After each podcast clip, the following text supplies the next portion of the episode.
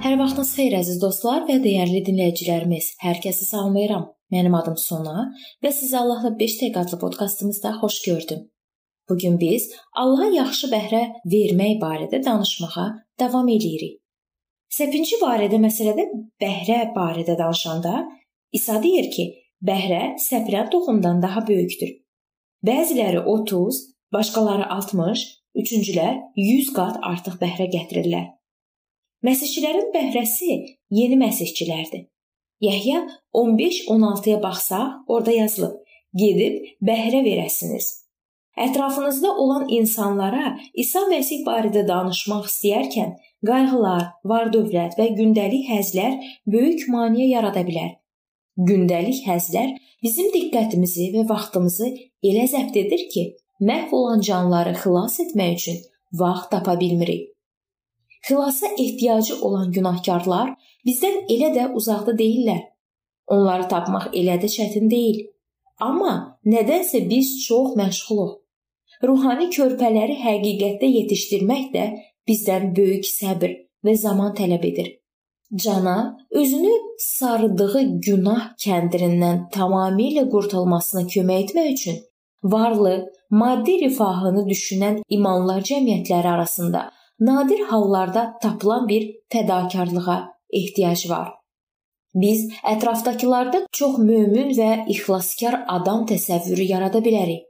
Amma bizim həyat bəhrələrimiz Allahın tələblərinə uyğun gəlməyə bilər. Hətta həyatımızda kifayət qədər sevginin, sevinç və sülhün olduğunu düşünsək də, bu hələ xilasa ehtiyacı olanlar arasında müjdəçilik üçün kifayət qədər vaxt və əmək sərf etdiyimizə zəmanət vermir.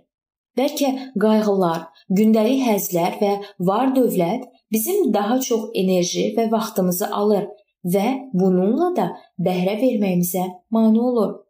Bizə bəhrə vermək bacarığını müqəddəs kəlam verir. Biz tövbə edəndə məhz o bizi saflaşdırır.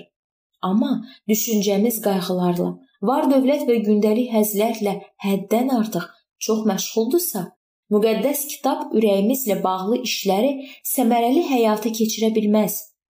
Əgər Allaha bol bəhrə gətirsək, deyə bilərik ki, həyatımızda olan Allahın kəlamı və onun iradəsi daha vacib elementlərdir. Üzümçü meynə və bəhrəsinə ürək qoyur. Əgər bol bəhrə gətirmək istəyiriksə, üzümçünün həyatımızın bütün anlarında bizə göstərdiyi qayğını unutmamalıyıq.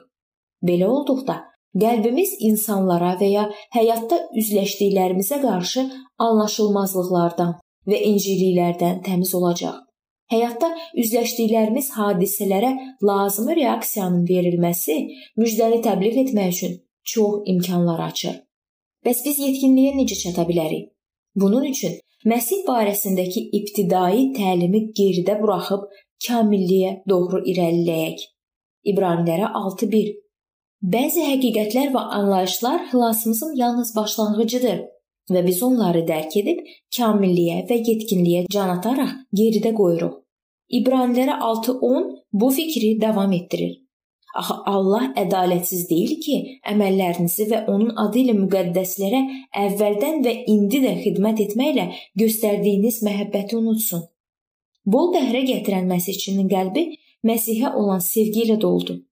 Buna görə də başqalarının ehtiyacını görür və qonşusuna xidmət etmək üçün çox vaxt ayırır. Sevgimizin kamilləşməsi fasiləsiz prosesdir.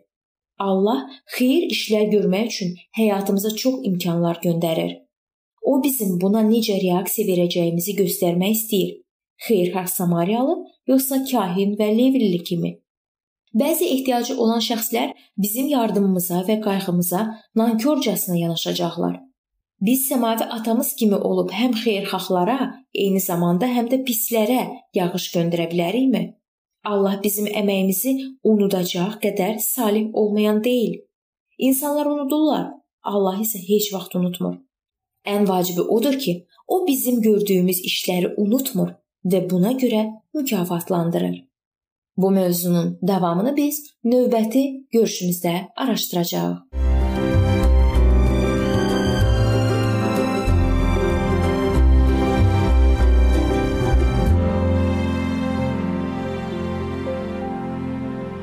Beləliklə əziz dostlar, bu yerdə bu mövzu sona çatdı. Hər zaman olduğu kimi sizi dəvət edirəm ki, bizim podkastlarımızı Facebook səhifəmizdən və YouTube kanalımızdan dinləməyə davam eləyəsiniz. İndi isə mən sizinlə sağollaşıram və növbəti görüşlərdə görmək ümidi ilə. Sağ olun, salamat qalın.